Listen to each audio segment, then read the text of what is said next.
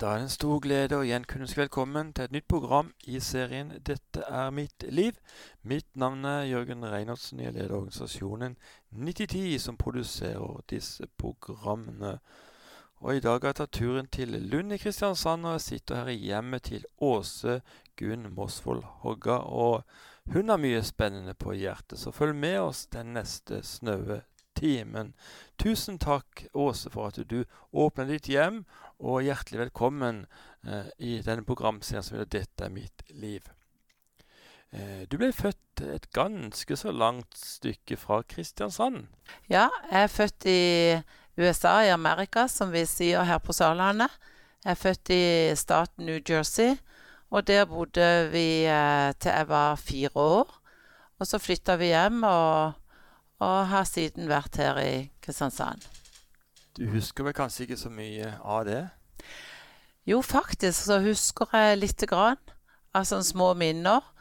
Og jeg husker òg at uh, jeg ble sendt hjem et par ganger når jeg var før fire år til, med, med Stavangerfjord, som kom inn her til Kristiansand med noen av tantene mine. Så jeg har noen sånne vage minner. Og så har jeg også noen vage minner fra da jeg kom hjem til Norge. For da var min familie i en veldig kritisk situasjon. Eh, pappas søster var hardt ramma i en bilulykke, og ja, de ba rett og slett at hun skulle få lov å dø, for hun var så skada. Og mamma var gravid med femtemann, og vi var ganske tett, vi barna født. Og, og de holdt på å bygge hus i Kristiansand. Så det skjedde mye på en gang. Og da ble jeg sendt hjem med bestefar som jeg var veldig glad i. Men pappa lurte meg på vei over, for det var sånn i gamle dager blir det jo, at da fikk foreldrene gå med inn på flyet. Og jeg var veldig glad i bestefar. Eh, så jeg satte meg ned og var trygg og glad. Og så sneik pappa sa han skulle bare sette seg foran i flyet. Så sneik han seg ut. Og så når vi kom langt om lenge, så begynte jeg å lete etter pappa. Og da ikke jeg fant han, så grein jeg. Så grein jeg, og så sov jeg helt til jeg kom til Norge. Og så, men når jeg så bestemor, så var alt godt. Så, så, men den opplevelsen med at pappa lurte meg, den styrte meg ganske mye eh, seinere i livet. Så jeg ble en veldig trassig jente. Og det lå nok i bunnen av mange ting hos meg at du har lurt meg en gang, og du lurer meg ikke igjen. Så jeg hadde litt makt på han. Og det skjønte jeg først seinere i livet at um, det ville jeg ikke ha. Selv om vi hadde ledd og tulla med denne situasjonen, og vi forsto det, det var sånn de gjorde med barn da, så ikke det skulle bli noe scene, som de sa. Så en dag så ringte jeg til han og så sa jeg, pappa, jeg tilgir deg det. Og da var jeg over 40 år. Og da kjente jeg at da glapp det taket. Og da fikk jeg et likeverd til pappa. Så det har betydd mye den prosessen, og jeg ser en rød tråd i akkurat den greia. Så ting som har skjedd med oss i barndommen, det kan mange ganger være med å styre atferden vår og måten vi tenker på, på en måte som vi ikke skjønner før Mange ganger Gud må vise det til oss. Ja, dette med tilgivelse er jo veldig viktig. Mm. Hvor viktig er det egentlig? For meg, nå er jeg 62 år, så er det Jeg kaller det for en uh, hovedvei i mitt liv som en kristen. Altså, jo fortere jeg kommer på å tilgi og velsigne mine fiender, om det er min mann eller mine barn eller en nabo eller kollega jeg, jeg sier ikke jeg får det til alltid, men jo fortere jeg kommer på det, jo fortere får jeg mer plass inni meg sjøl. For det er jo først og fremst meg på en positiv måte det går utover. At jeg velger å tilgi. Og velger å si 'Gud velsigne mennesket'. Selv om det er veldig urett. Så det å forstå og blitt åpenbart det med tilgivelse, ja, det er en gullnøkkel. Mm. Ja, vi skal tilbake til barndommen din. Du vokste opp med hele seks søsken. Hvordan var det? Ja, skal du si for noe? Det Nå var det jo bare sånn. Jeg var eldst av, av jentene og hadde to eldre brødre. Og mamma fikk oss fire første på i løpet av tre og et halvt år. Så jeg var ei sånn ei tøff ei som sloss meg fram. jeg ble fortalt at hun bare beit seg fast i kinnene, altså. Så jeg, det var armer og bein. Og, um, og hun søstera som kommer etter meg, hun hadde en del allergier.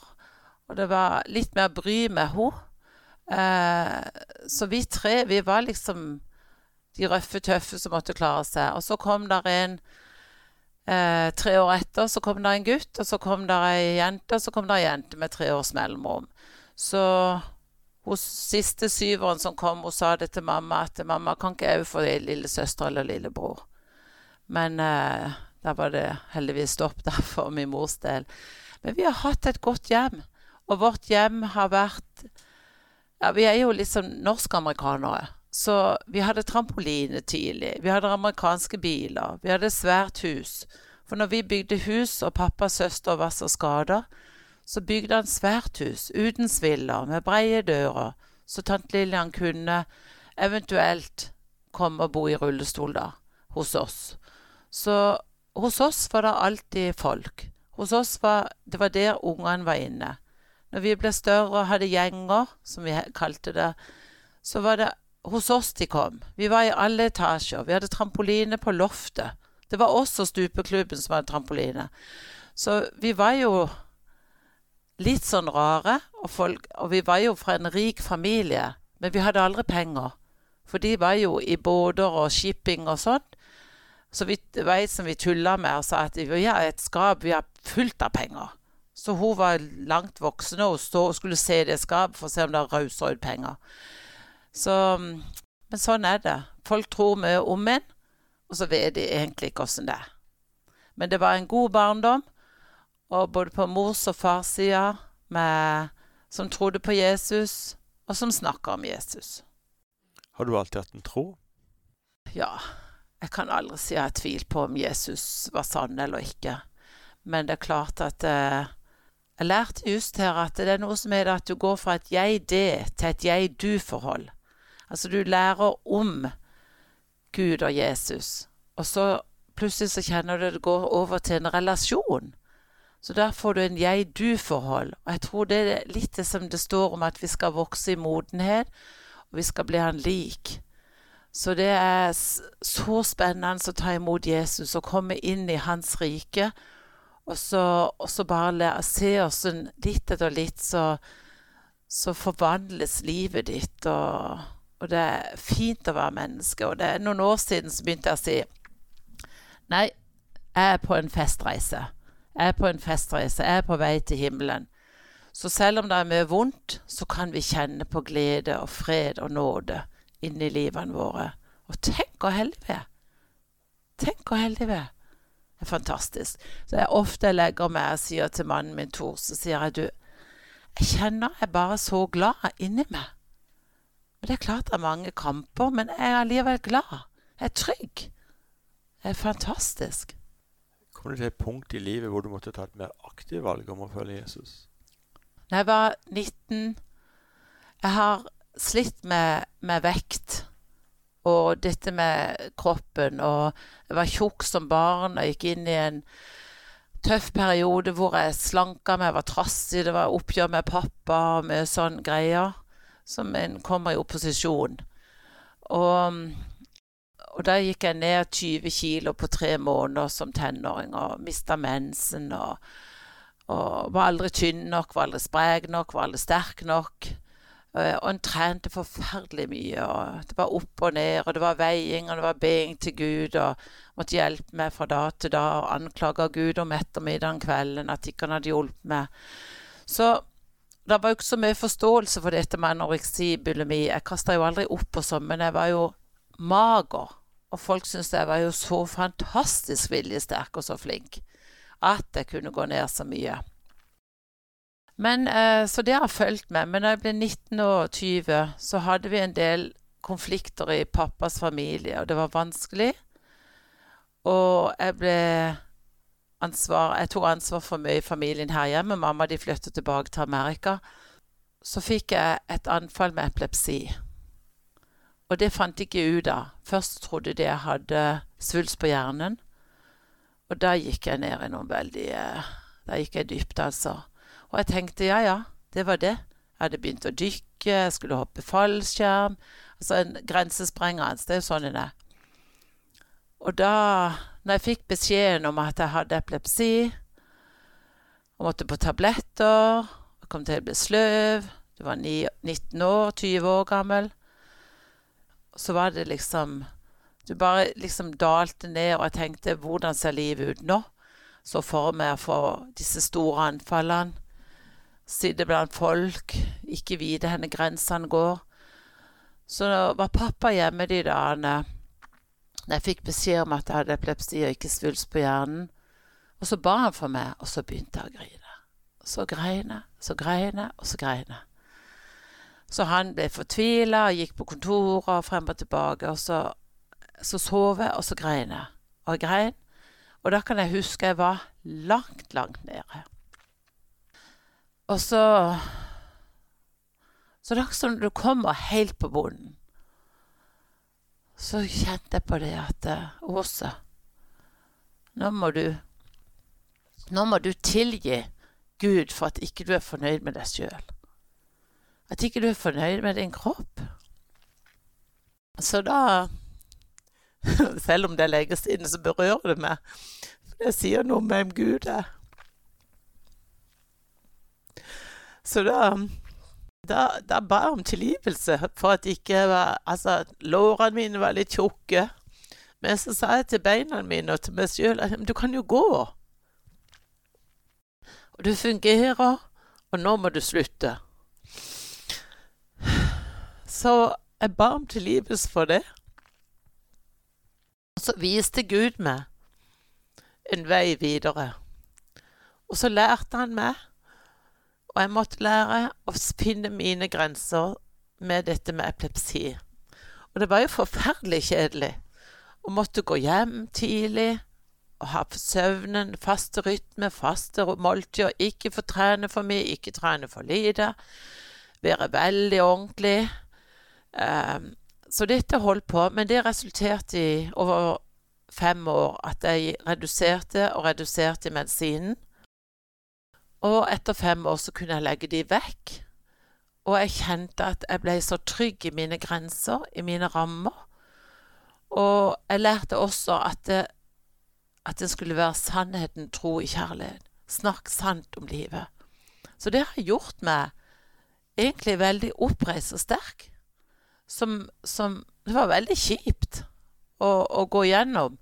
Men eh, det er jo sånn ofte med vanskelige ting at det vendes til det gode. Så, så, det ligger nok i min historie som en del av min styrke og min trygghet. Mm. Du hører på programserien 'Dette er mitt eh, liv'. Mitt navn er Jørgen Reinersen. I dag er jeg i Kristiansand og besøker Åse Gunn Mosvold Hogga. Og Åse, du eh, har eh, vært ansatt i Dyreparken i Kristiansand i over 40 år. Og det var du som ga navnet til sjimpansen Julius. Du må fortelle. Fortell. Ja, det er utrolig og folk er interessert i denne abbekatten. eh, det som er Som kanskje bl.a. har hengt meg opp i, at eh, når det kokte som verst rundt Julius, så var det det som bindte Norge mest sammen. Tenk på det. Det var det alle hadde en sånn relasjon til på en eller annen måte. Og det rare er det med Julius at eh, jeg jobba som dyrepasser i Dyreparken og deltidsansatt og noe helårsansatt, men fast i alle disse årene.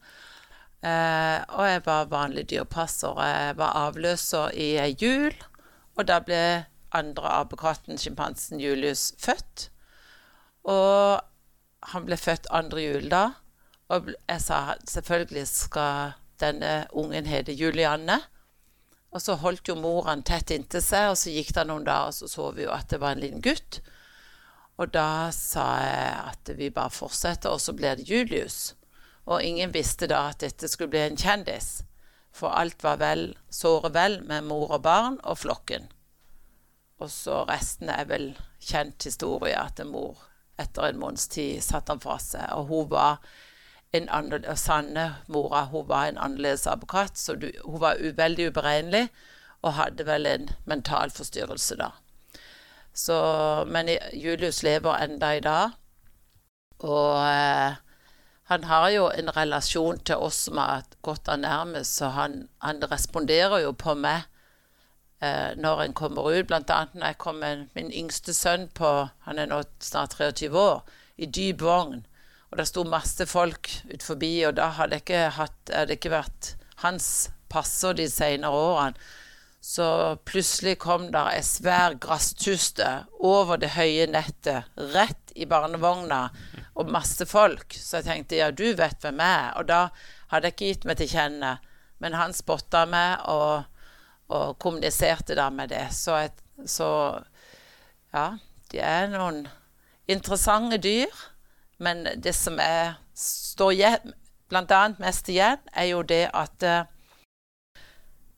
jeg er jo vokst opp i ei tid med eh, Darwins lære, bibelundervisning, eh, troen på Bibelen, at Gud har skapt mennesker og dyr. Og sjøl har fått fem barn. Og så har jeg tenkt Så hva tror jeg på? Stammer vi fra apene?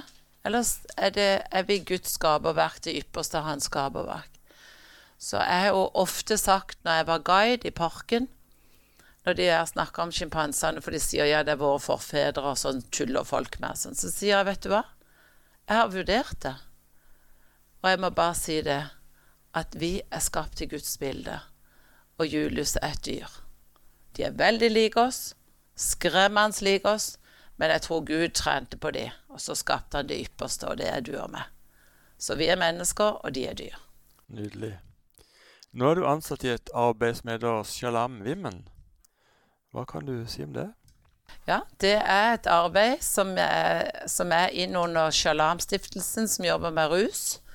Og, og folk som har vært innen fengsel. Og så ble vi anbefalt da å søke på midler i forhold til menneskehandel og prostitusjon, som de også ville ha en avdeling og et arbeid i Kristiansand. Så det har jeg vært med nå de siste fire årene. Jeg var ikke med og starta det. Eh, vi prøver å oppsøke på nett og på gata folk som selger seg, og prøver å bygge en relasjon til noen av disse og få kartlagt litt hva de trenger, og er der for de. Eh, mange kommer jo nye til byen, Jeg har kortere tid.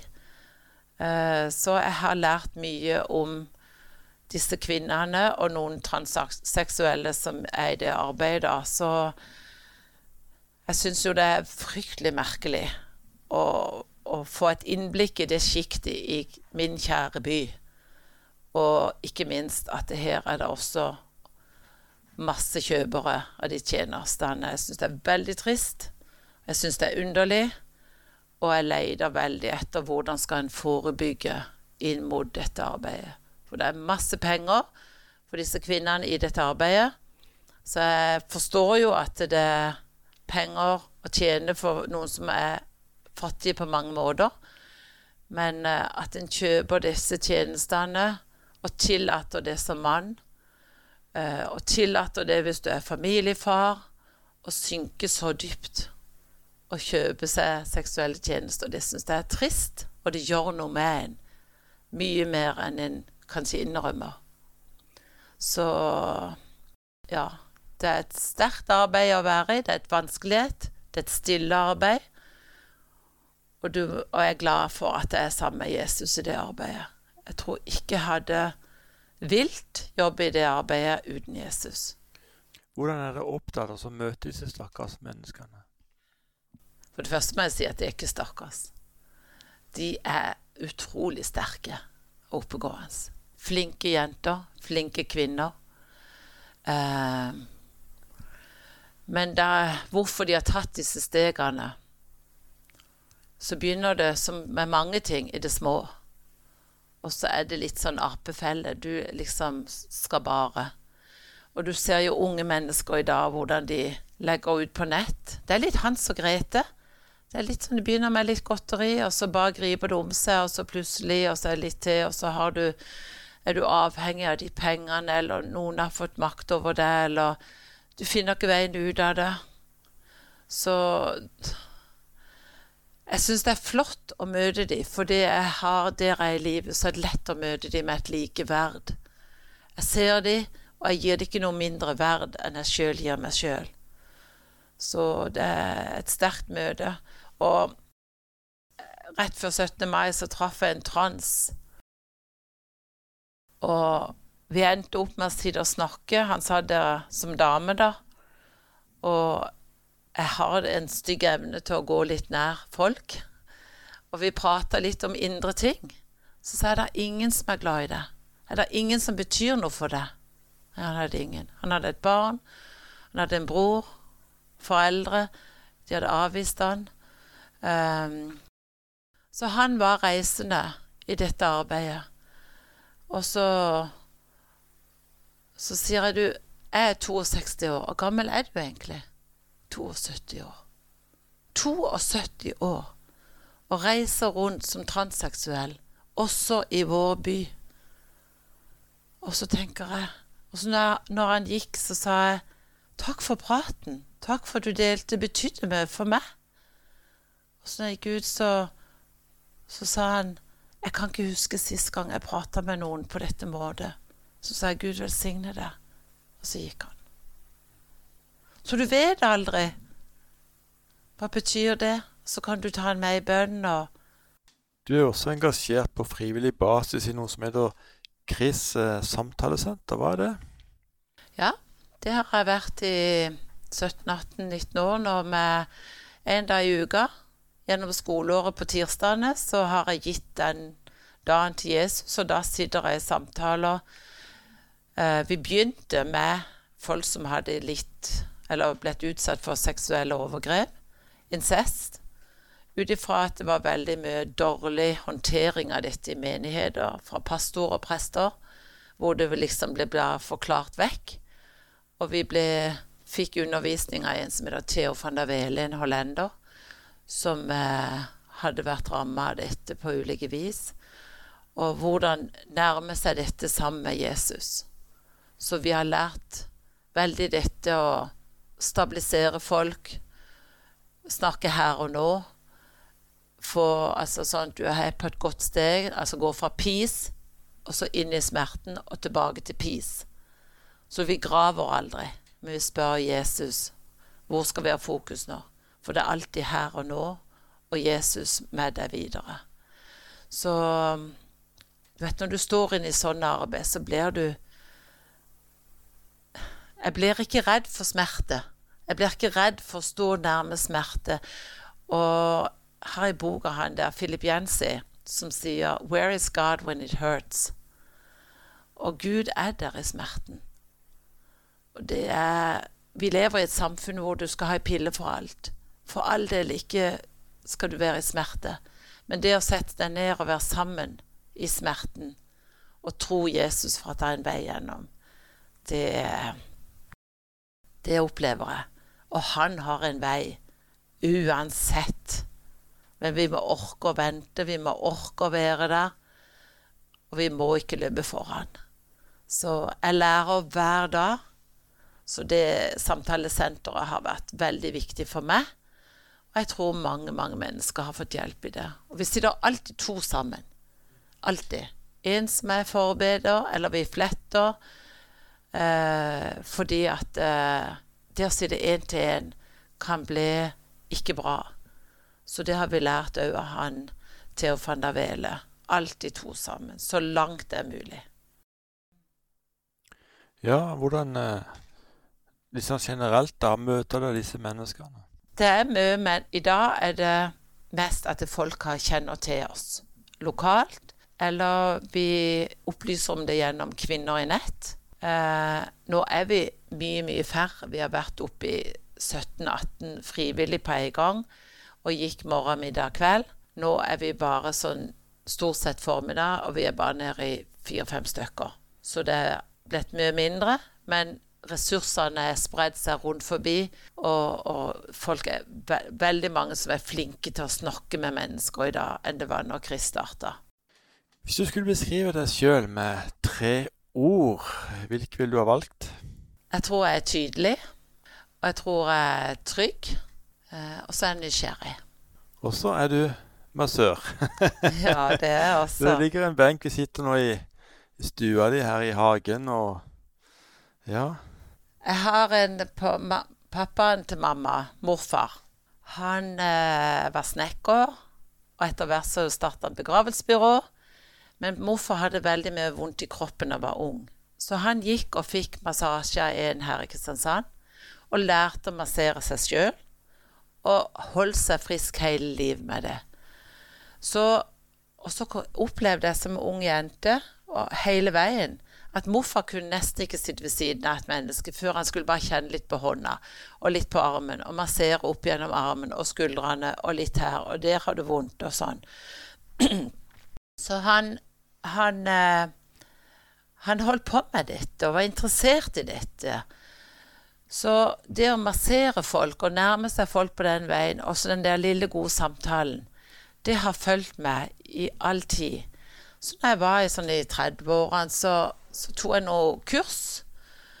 Eh, og hele veggen full av kursbevis og skoler. Så jeg har en del, så er jeg med i et massasjeforbund, og så har jeg jobba litt i kommunen, jeg har jobba litt på en klinikk, og jeg har jobba litt privat. Og så har jeg da etter hvert med min mann satt sammen denne massasjestua, som jeg tar imot folk etter jobb. Jeg bruker det også inn blant de prostituerte. Jeg har hatt noen til å jeg mener, og, og så skal du si når du står i Kristiansand by og masserer og gir en god ryggmassasje til ei fra Nigeria, f.eks. Og hun ligger der og sier 'thank you, sister', 'bless you, sister', 'oh, thank you, sister'. Og du bare kjenner at uh, hun drikker direkte fra himmelen gjennom det. Um, så tenker jeg Hva betyr dette her? Det er jo Første gang jeg gjorde det, så kan jeg huske jeg kom ut til sykkelen min og skulle sykle hjem, så, så tenkte jeg Ja, ja, alle monner drar som musa og tissa i vannet i havet. Så det var liksom så lite oppi det hele. Men så, så får jeg frimodighet til det. Og òg ned på rehabiliteringa med de som har slitt med rus, sitter inne, har ikke forholdt seg til kroppen sin. Etter hvert så sier jeg kanskje du skal ha en massasje. Og så opplever de at eh, de tør å ta imot vennlighet. Og det er jo en øvelse i å ta imot vennlighet til deg. Og så sier jeg til Jesus mange ganger, 'Jesus, hva vil du gi til den?' Hva har du på Og du må bare gi det gjennom meg. Så tenker jeg det handler ikke om jeg er flink eller ikke flink. Det handler om hva han vil gi gjennom mine hender. Og det, det er så sterkt. Så, men jeg snakker jo ikke om Jesus. Du vet, jeg bare tenker at du bor i meg. Så på en måte så får jeg et språk. Jeg har fått et språk gjennom hendene. Og av så kommer noen noen ganger, noen gamlinger som kommer inn her. Så, så, så får de ikke klippet neglene.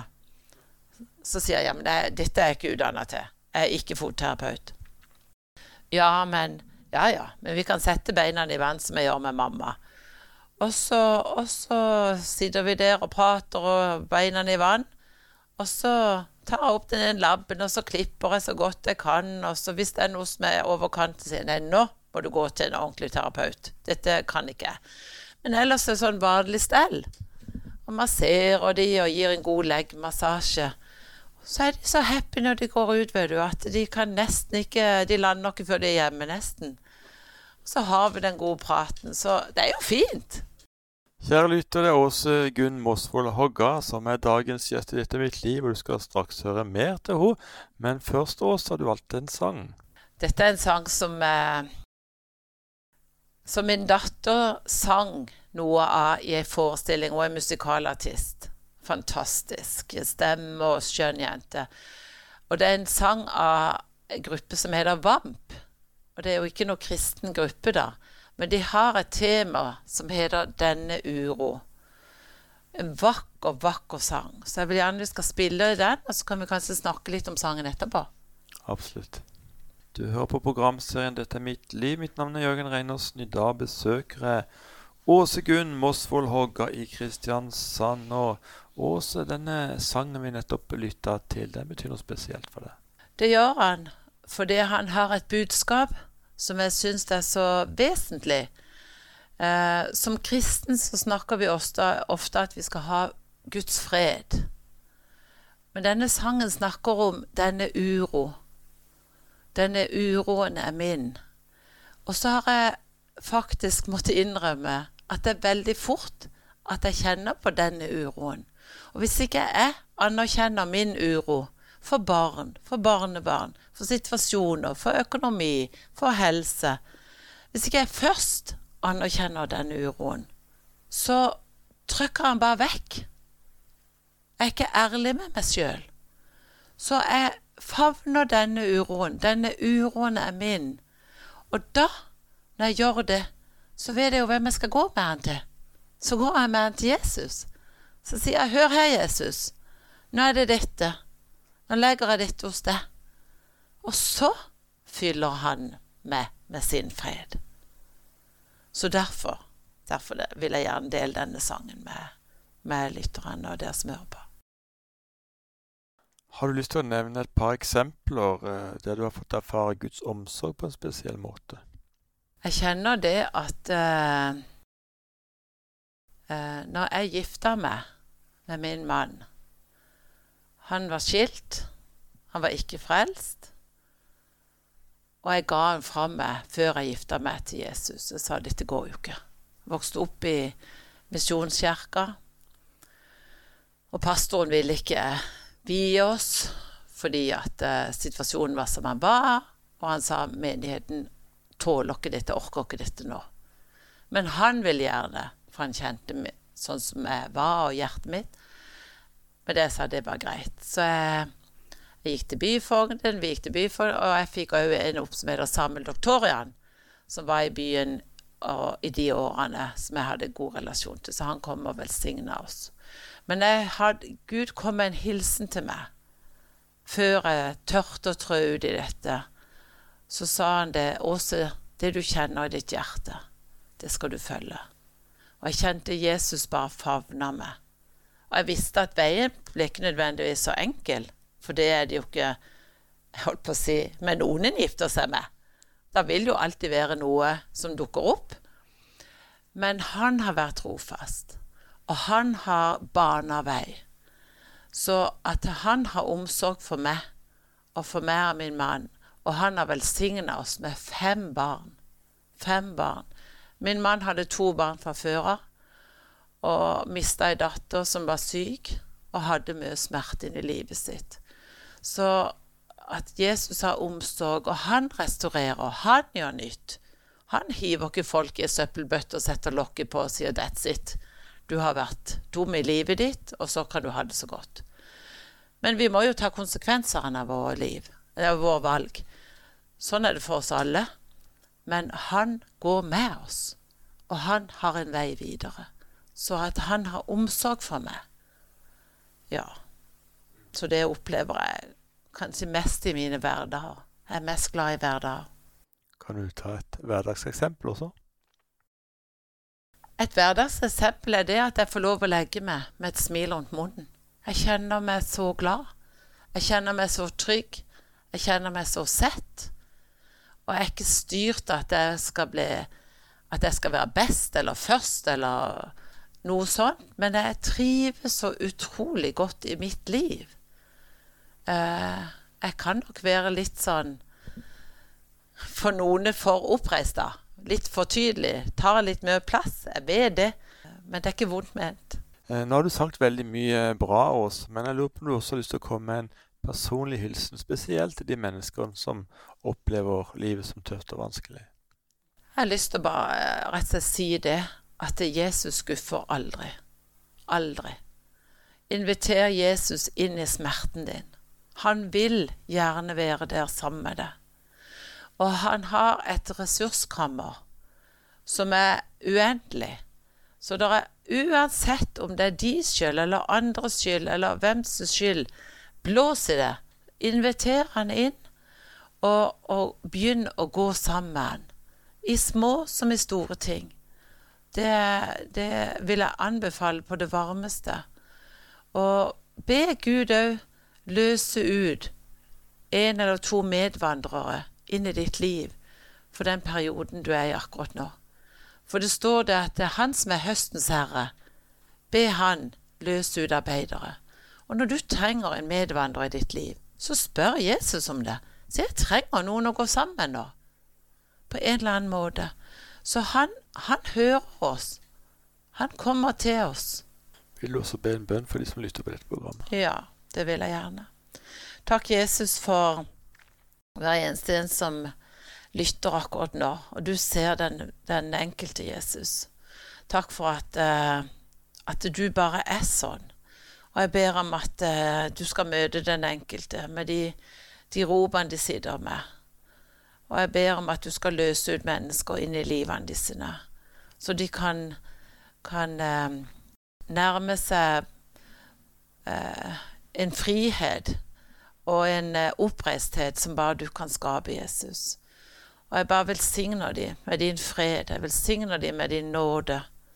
Jeg takker Jesus for at eh, du sitter på tronen, og du går i forbønn for oss. Du sitter med Faderens høyre hånd. Og noen ganger så tror jeg søren meg du reiser deg for oss å, å heie på oss, Jesus. Takk for at du bare er god. Jeg takker deg for det. Og jeg ber for menigheter over det ganske land. Jeg ber for ditt folk, for oss over det ganske land. Jeg ber for eh, våre barn, og jeg ber for barnebarn og svigerbarn som ligger på våre hjerter, som ennå ikke har tatt steget inn, tett inn til deg, Jesus. Jeg ber om at du drar dem, at du lokker dem inn, at du sluser dem inn, Jesus.